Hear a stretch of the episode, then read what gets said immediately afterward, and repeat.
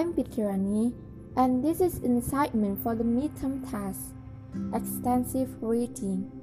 The Book of the Thousand Nights and One Night, Volume 3. There are white and white.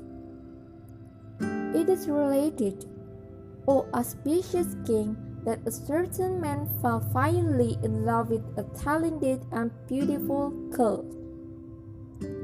And as she was married to a husband whom she loved and was in all things chaste and virtuous, could find no means by which to seduce her. He patiently made siege for a long time without result and then determined upon a trick which should either conquer or punish her. It happened that the woman's husband had a confidential servant, a boy whom he had raised from the cradle and who was entrusted with the guardian of the house while his master was away. The lover took care to bind this boy to him with ties of friendship, making him such fine present that soon the lad was entirely devoted and would obey him in all things. When this point had been reached, the lover said to his friend, I should very much like to look over your master's house today when he and your mistress are absent. Certainly, answered the other. And when the husband had gone to his shop and the wife on a visit to the hammam, he led the lovers into the house and showed him all the rooms with their various contents.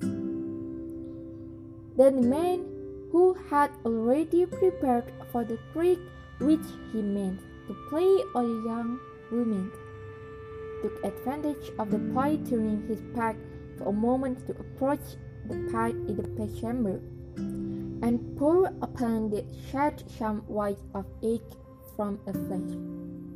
After that, he left the room and went his way. At this point, Shahrazad showed the approach of morning and discreetly fell silent.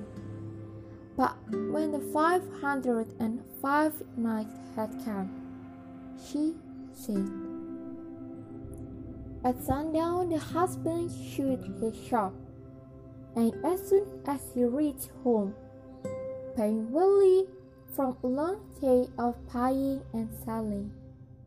To the path and would have lain down to rest had he not seen a large stain on the sheets. Being thrown into a great state of distress, he recoiled, saying to himself, Who can have entered my house and done these things with my wife? This is a man's sermon without any doubt. To make assurance more sure, he placed his finger in the liquid, and after examination, exclaimed, It is! In his fury, his first thought was to kill the boy, but he soon abandoned his plan, saying to himself, So great a stain could not have come out of so young a boy. He has not yet reached an age when the age swell. He called the lad to him, crying, Vile abortion! Where is your mistress?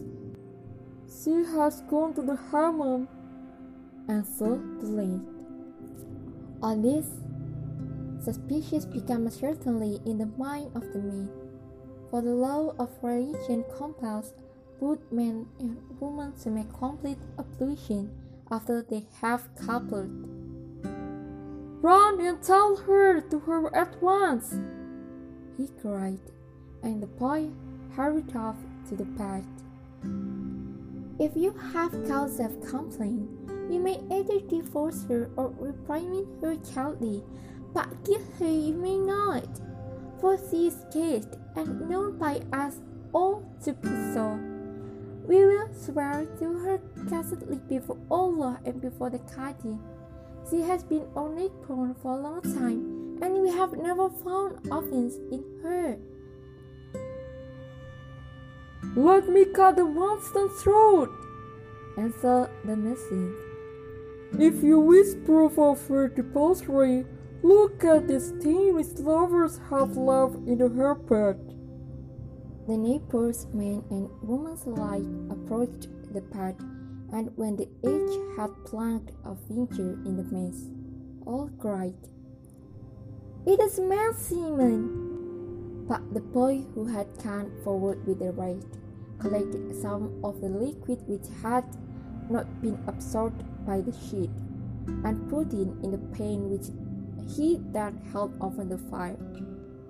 When the contents were cooked, he ate a little and distributed the rest of the neighbor, saying, Taste this, it is only white of age.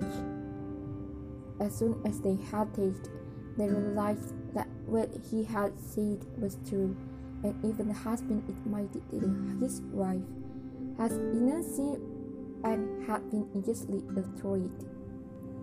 He hastened to make his peace with her and to seal the truth, calf grew a hundred tinies in a gold color. The man woke up with charm on feeling these things and saw the boy calmly wiping himself with leaves on the top of the tree. He firstly seized his pole and launched a flight of arrows at the brother and sister but they fell short and were defeated by the prince because the tree was very tall. Cut down the tree! He cried in a voice and thunder which woke up his pant. I told you so, we are lost! sobbed Littlefoot. Who told you so? demanded Hardhead. We are lost! We are lost! She repeated, but he replied, They have not caught us yet. For pity's sake, my dear, do not do so, cried the girl. He will let go of us and we shall fall. But I want to tickle your face, objected her brother. Then we shall try, moaned Littlefoot. This is how it is done, he answered, and put his plan into execution. The sensitive bird turned a somersault in the air and instinctively loosed his grip upon the captives.